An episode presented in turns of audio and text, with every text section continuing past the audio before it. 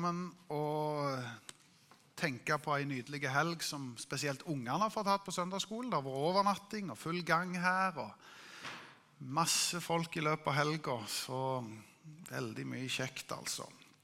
Eh, vi har eh, holdt på å si, snudd litt på programmet. Det vil si at vi går på litt tidlig til å tale, og så skal vi ta litt gode tid etterpå i lovsang og på en eller annen måte bønn, betjening. Og så kommer òg syvende klasse inn her etter hvert. De har vært eh, mange år på søndagsskolen og skal sånn sett markeres at de har, eh, går inn i en ny fase. Så de kommer mot slutten av gudstjenesten. Jeg har en overskrift eh, som kommer på skjermen. og Det er en nydelig proklamasjon. En eh, fin overskrift. Det går mot lysere tider. Yes! Hvem liker ikke det? Det er et utsagn som eh, alle her har hørt før. Og vi bruker det gjerne i forskjellige betydninger og meninger. Vi bruker det typisk. Ja, vi bruker det om årshjulet, naturens årshjul, fordi at det fins mørketid og det fins lysere tid. Og du kan være ganske sikker på at nettopp den overskriften der den står sånn cirka rundt juletid hvert år så skriver avisene det går mot lysere tider. Hvorfor gjør det det? Jo, fordi at sola snur, vi bor på den nordlige halvkula, og selv om det ikke føles sånn, så går det sakte, men sikkert mot lysere tider. Det er mørkt, det er kaldt, og det føles ikke sånn, men nå begynner vi å merke det. Og nå er vi jo der at nå er det nesten på det lyseste. Så enda et par uker til med fem minutter mer sollys hver dag. Og så er det så høylys dag og midnattssol, og alt er topp. Jeg elsker lysetider. Gjør du? Det er noe med det som har vært i dvale, som våkner til liv, noe av det som har vært dødt, som skyter nye skudd og blomstrer, noe av det som har vært av kulde, som blir til varme og lys. Det er fint. Men så bruker vi òg det utsagnet om eh, dette med at vi av og til opplever kjipe tider. Eh, det kan være globalt, nasjonalt, personlig.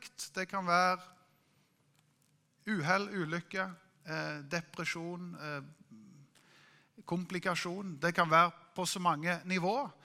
Og da hender det jo at vi ser lys i tunnelen, og da klamrer vi oss til gode nyheter. Og så tenker vi det heldigvis det går mot lysere tider. Og når jeg gikk inn på gudstjeneste i dag, så fikk jeg en lapp der det var en som sa jeg tror dette er en hilsen fra Herren, og der står det rett og slett sånn Det kom et væromslag, kort og godt. Ikke visste den karen hva jeg skulle tale om, men jeg følte det traff ganske bra. Så for meg var det en sterk bekreftelse. Og kanskje noen her som trenger å høre det på en særlig måte. Det kommer et væromslag. Det går mot lysere tider. Det tror jeg er godt, og det er bibelsk.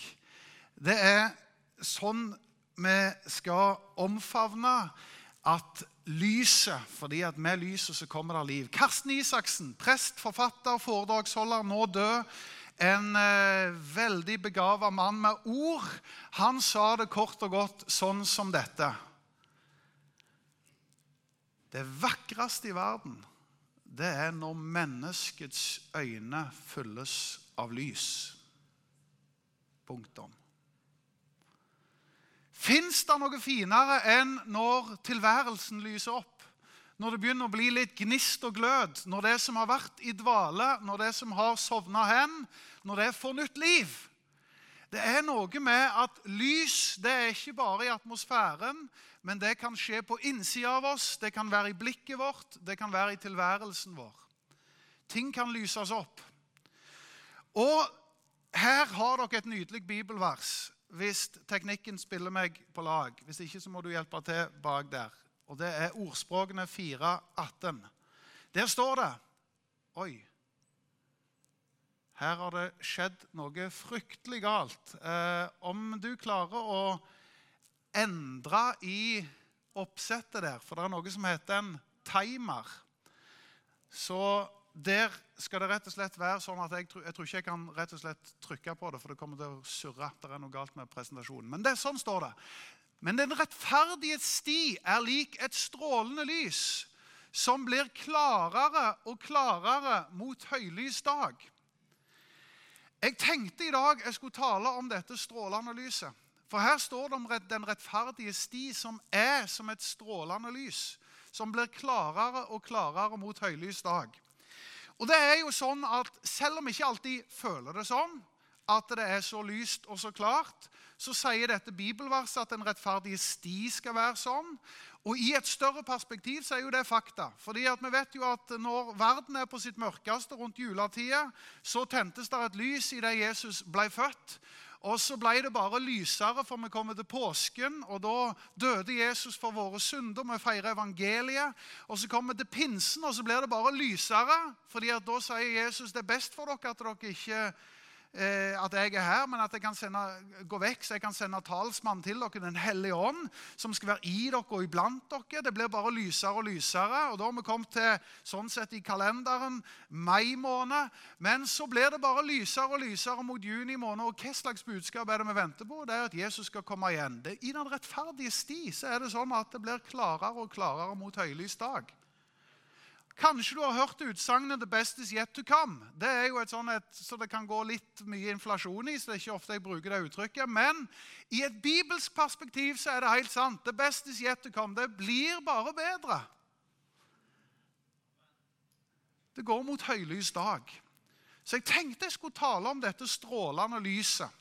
Og så tenkte jeg at la meg legge et bibelsk teologisk fundament først, og så skal det bli praktisk og konkret og personlig etter hvert.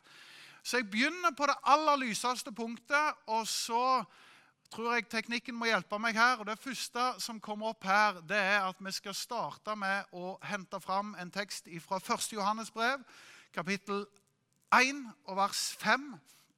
Der sier Johannes dette er budskapet vi har hørt. Skal vi se, Nå roter det til igjen her. Må tilbake igjen, så må du stoppe den der. Det, dette er budskapet vi har hørt, og som jeg forkynner for dere. Gud er lys, og i Han finnes der ikke mørke. Gud er selve lyskilden. Jeg tror du må rett og slett sikkert ta det vekk, eh, for hvis ikke så kommer det til å bare surre og gå her. når Det er noe spinnhakkende gale med teknikken. Jeg skal klare å ta disse bibelversene uten at dere får dem på skjermen. så det går helt greit. Gud er lys, og i ham finnes det ikke mørke. Det er det lyseste budskapet du kan få gitt. Og Det var jo der det starta. Når vi husker første Mosebok, Verden var øde og tom, alt var i mørke. Når Gud skal endre på tilværelsen, hva gjør han da? Da sier han 'bli lys', og så ble det lys, og så begynte det å skapes liv. Så med lyset så kommer det liv. Og Gud er lysets Gud. Gud er livets Gud. Gud er skaperen av alt. Og så kan vi spørre oss sjøl ja, hva betyr det for oss at Gud er lys. Vel, for meg betyr det i alle fall det Jeg lener meg litt på et uttrykk som er henta fra CS Lewis, som er denne kjente ja, forfatter og apologet og litt forskjellige titler du kan ha på han. Han sa det sånn som dette. At jeg tror på Bibelens Gud som jeg tror på sola. Ikke fordi jeg alltid ser sola, men fordi jeg ved den ser alt annet. Ser vi alltid sola? Vi har hatt rimelig gode tider nå i det siste. Det har vært greit. Men vi er de første til å innrømme på Vestlandet at vi ser ikke alltid sola. Det kan være rimelig tåkete og mørkt. Det kan være ganske skyete, og det kan være ganske vanskelig å famle der i liksom å finne fram. Men heldigvis så vet vi at bak skyene så er himmelen alltid blå. Der er det ei lys som lyser. Der er det ei sol som varmer opp. Det er vi som, jeg mener, Hadde Gud slokka lyset totalt, hvis du tenker sola, da, så hadde det jo ikke vært verken liv. Det hadde vært begmørkt. Ingen kunne se noen ting. Så på tross av omstendigheter med mørke og med skygger, så er det noe som lyser. Gud er lys, og i han finnes det ikke mørke. Og han er selve lyskilden. Det gjør at han gir meg et ny måte, et nytt perspektiv å se livet på. Det at Gud er mitt lys, det betyr at jeg har lært meg å se livet på en annen måte. Hvem er livets begynner? Hvem er det som har skapt alt? Hvem er det som holder ting i sin hånd? Hvem, hva er et menneske? Hva er, hva er, meningen med livet? Hva gjør at vi er her? Hvorfor er vi her? Hvor er vi på vei? Altså, Vi ser alt i et nytt lys når Gud er vårt lys. Så det at Gud er lys, gjør at jeg slipper å famle i mørket. Og så kan vi ta det ett hakk videre, for det er ikke bare Gud som er lys. Men for vi kan jo innrømme det at når vi sier at Gud er lys, så høres det litt sånn diffust og litt abstrakt ut. Men for å gjøre det enda mer konkret og enda mer personlig, så kan vi holde oss til Johannes, som er denne karen, apostelen, evangelisten, som skriver mye om disse kontrastene. Og Han skriver ikke i 1. Johannes, som vi leste først, men i Johannes kapittel 1. og Da kan jeg slå opp og lese det, for jeg tror ikke teknikken er med, meg. Eh, og Da leser jeg her, og som står I Han var det liv og livet var menneskets lys. Lyset skinner i mørket, og mørket har ikke overvunnet det. Et menneske sto fram, utsendt av Gud. Navnet hans var Johannes. Han kom for å vitne. Han skulle vitne om lyset, så alle skulle komme til tro ved ham. Selv var han ikke lyset, men han skulle vitne om lyset. Det sanne lys som lyser opp hvert menneske, kom nå til verden. Her er altså teologien at Gud er lys. Men så begynner lyset å bli veldig nært og personlig fordi at Jesus er verdens lys. Og Jesus sier det sjøl i Johannes 8, kapittel 12. Jeg er verdens lys, og den som følger meg, skal ikke vandre i mørket. Det å være en kristen det er å være bærer av det lyseste budskapet. Jeg mener, det går mot lysere tider. Det var senest i går. Jeg var inne på NRK. Du kan sjekke selv. På NRK så var den store overskriften, eller iallfall på deler av dagen. Det går mot lysere tider. Og det var referert til Bodø, der det var 19 dager uten covid-19. Det var litt sånn artig uh, utsagn. da. Sånn at Det handler om vaksine, og det handler om verden som åpner opp, og lysere tider, og kjempefint. Og så sier jeg ja, jeg tar imot alle sånne gode nyheter. Alle lys i tunnelen, alle fine budskap. Men det er noe som er sterkere enn det, og det er evangeliet om Jesus Kristus. Jeg er verdens lys, og den som følger meg, skal ikke vandre i mørket. Og Derfor så har jeg alltid vært sorgfull når kristne menigheter i litt for stor grad har klart å gjøre et gledesbudskap om til noe grav alvorlig. For jeg mener, Du hører det jo hvis du skal til domkirka og høre på domprosten som leser fra dommerne, så har du slått lyset lenge før du havner på den gudstjenesten. Så jeg greier, Vi trenger å skjønne at evangeliet det er lyse, gode budskap. Og det er sånn at dette lyset som er Gud i litt diffust og abstrakt, det har blitt noe personlig. Det er Jesus, verdens lys, som gjør at jeg slipper å vandre i mørket. Jeg har sett lyset av evangeliet. Og Dette står det jo om i andre krøniker, nei, korinterbrev, andre korinterbrev, kapittel 3, så står det at denne verdens Gud har forblinda de vantro sinn. Det står om evangeliet som er skjult. Men så står det så de ikke ser lyset ifra evangeliet. Dette er jo det som er den store game-changeren, aha-opplevelsen, endringen i livet vårt, det er når lyset fra evangeliet er med og fyller mitt indre. Og jeg må jo si at jeg kjenner igjen at jeg har hatt grums i livet, og jeg har grums i livet. Jeg kjenner til at jeg har eh, Ja, altså Kall det den, den, verste verdensomspennende epidemien som har vært. Det er ikke covid-19. Det fins verre både sånn medisinsk sykdomsmessig, men den verste er jo synd. Jeg mener, Den har ramma hele verden. Den har spredt seg, spredt seg som ild i tørt gress. Den har ramma ethvert menneskeliv. Sånn at jeg går rundt og bærer på grumset og mørket. Og så er det ikke sånn at eh, vaksinen er bare ei sprøyte, men det er Jesu eget blod som han sonte på korset for oss. Og i der fins det en løsning for alle mennesker. Dette evangeliet som lyser fram i, om Kristi herlighet, han som er i Guds bilde. altså dette dette evangeliet her, det får vi lov å være bærere av. Sånn at teologien her er at Gud er lys, Jesus er verdens lys. Vi får lov å vandre i det lyset. Vi får lov å høre lyset fra evangeliet, hvilket er et fantastisk budskap. Men så er det sånn at det lyset ikke bare er noe vi hører med ørene, men det lyset flytter inn. Og Da begynner teologien å bli enda sterkere. Fordi at Johannes eh, nei, Matteus kapittel 5 og vers 12 så sier Jesus det sånn Dere er verdens lys. Så nå har det begynt å komme langt her. Gud var lys, Jesus er lys, evangeliet er lys for denne verden. Og så får jeg lov å være en bærer av dette budskapet, dette evangeliet, og dermed så er jeg et lys. Nydelig. Og så handler det jo om for oss da, å sørge for at det lyset ikke holdes slokka eller skjult. Og Det er det jeg skal prøve å liksom bli personlig og mer direkte mot siste del av talen her. Fordi at døperen Johannes, som skriver dette, han sier jo at uh, han er ikke selv lyset. Men han kom for å kaste lys over en annen. Han kom for å kaste lys over Jesus Kristus. Og da tenkte jeg nå må jeg ta med litt forskjellige typer lys.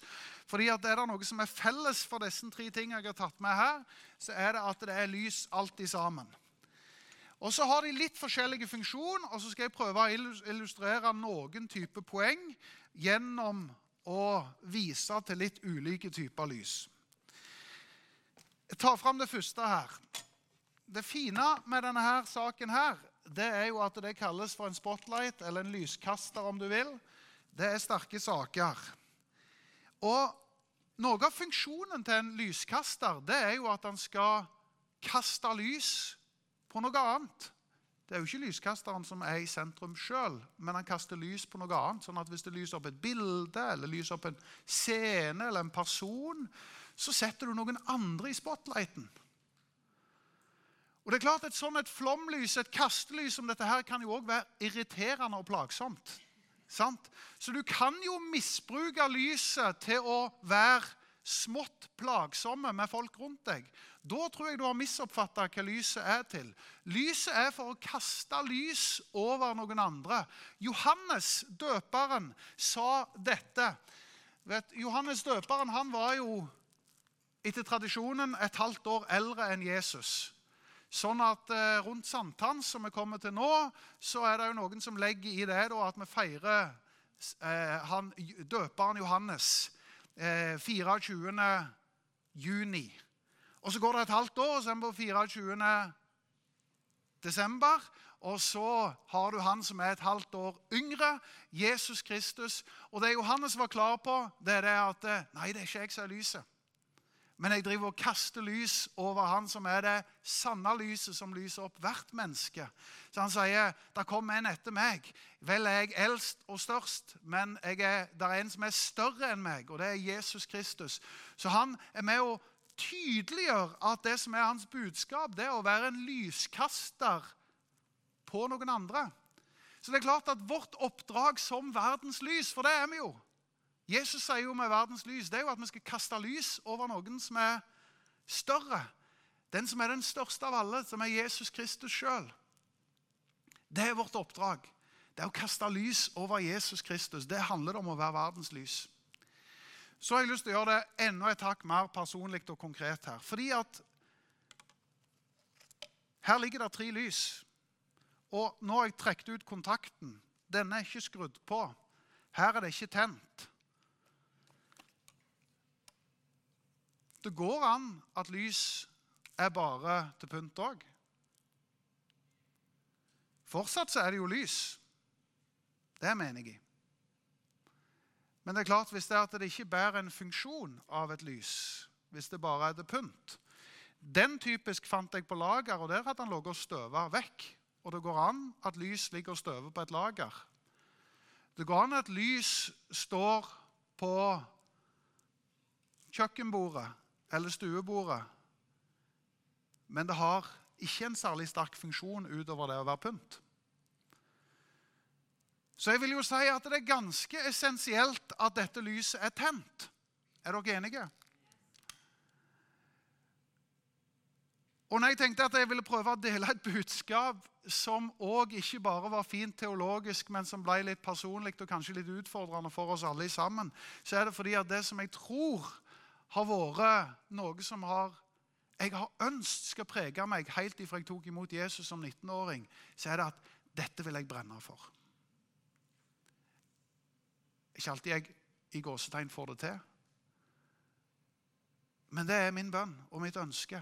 At jeg skal ha en livslang brann for Jesus. Jeg skal ikke bare gå rundt og være til pynt. Jeg har lyst til å brenne for noe. Vi har hørt uttrykket 'ildsjel'. Hvem er det som er ildsjeler? Jo, det er jo noen som brenner for noe. Som vil skape noe, som vil utgjøre en forskjell, som vil bety noe for folk rundt seg.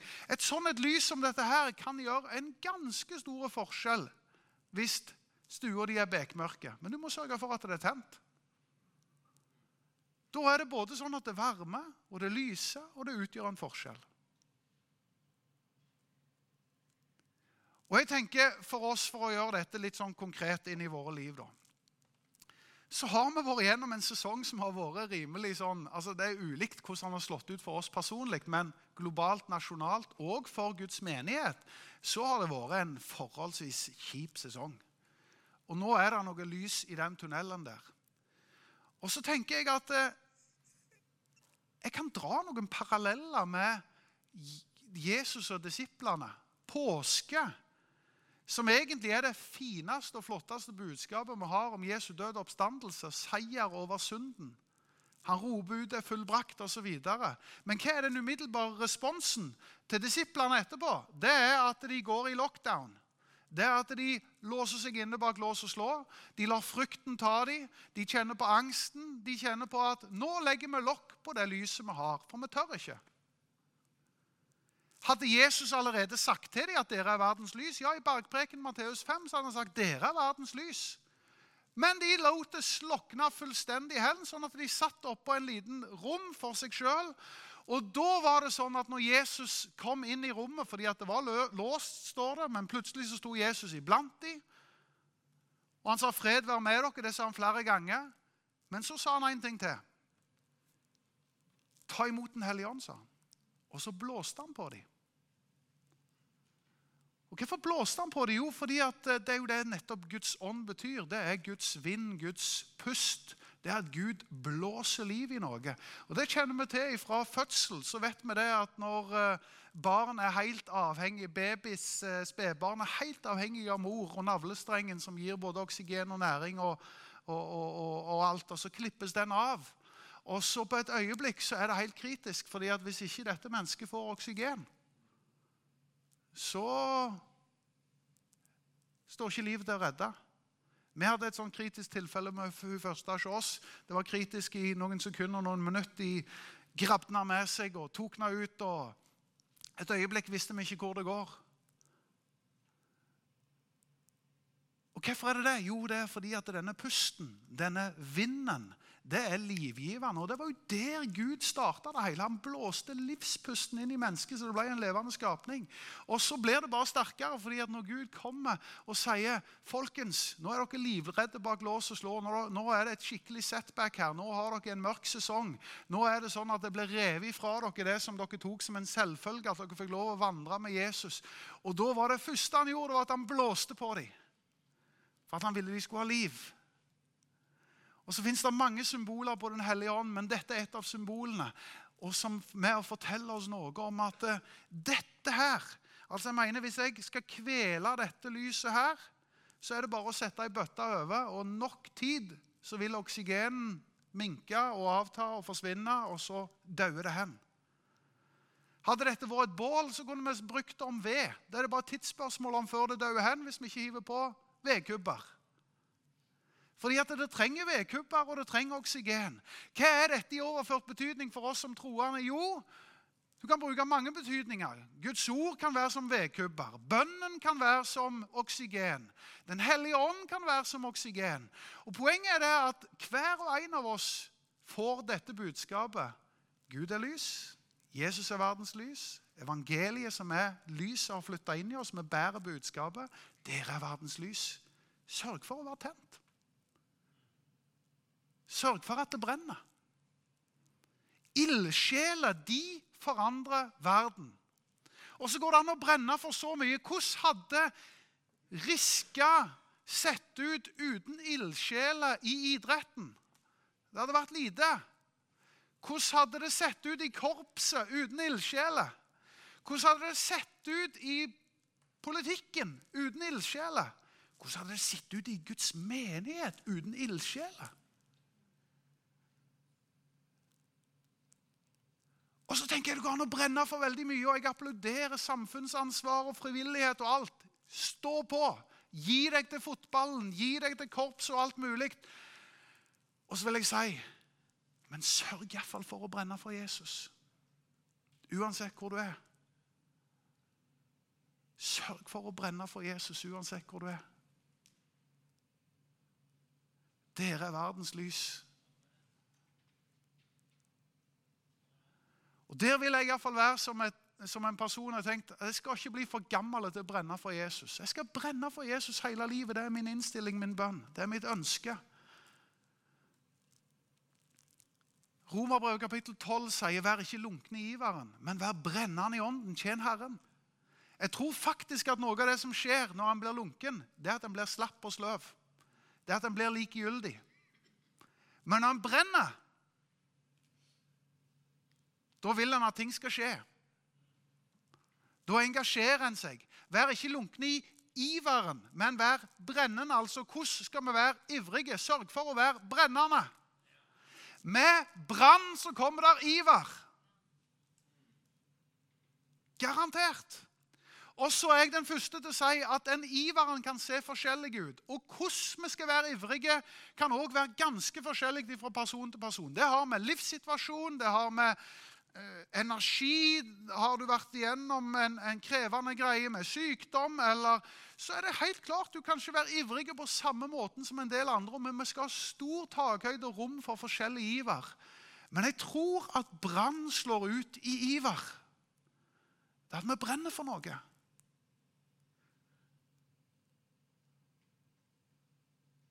Og comebacket for disiplene det var jo at Jesus kom inn og så blåste han på dem og sier 'ta imot Den hellige ånd'.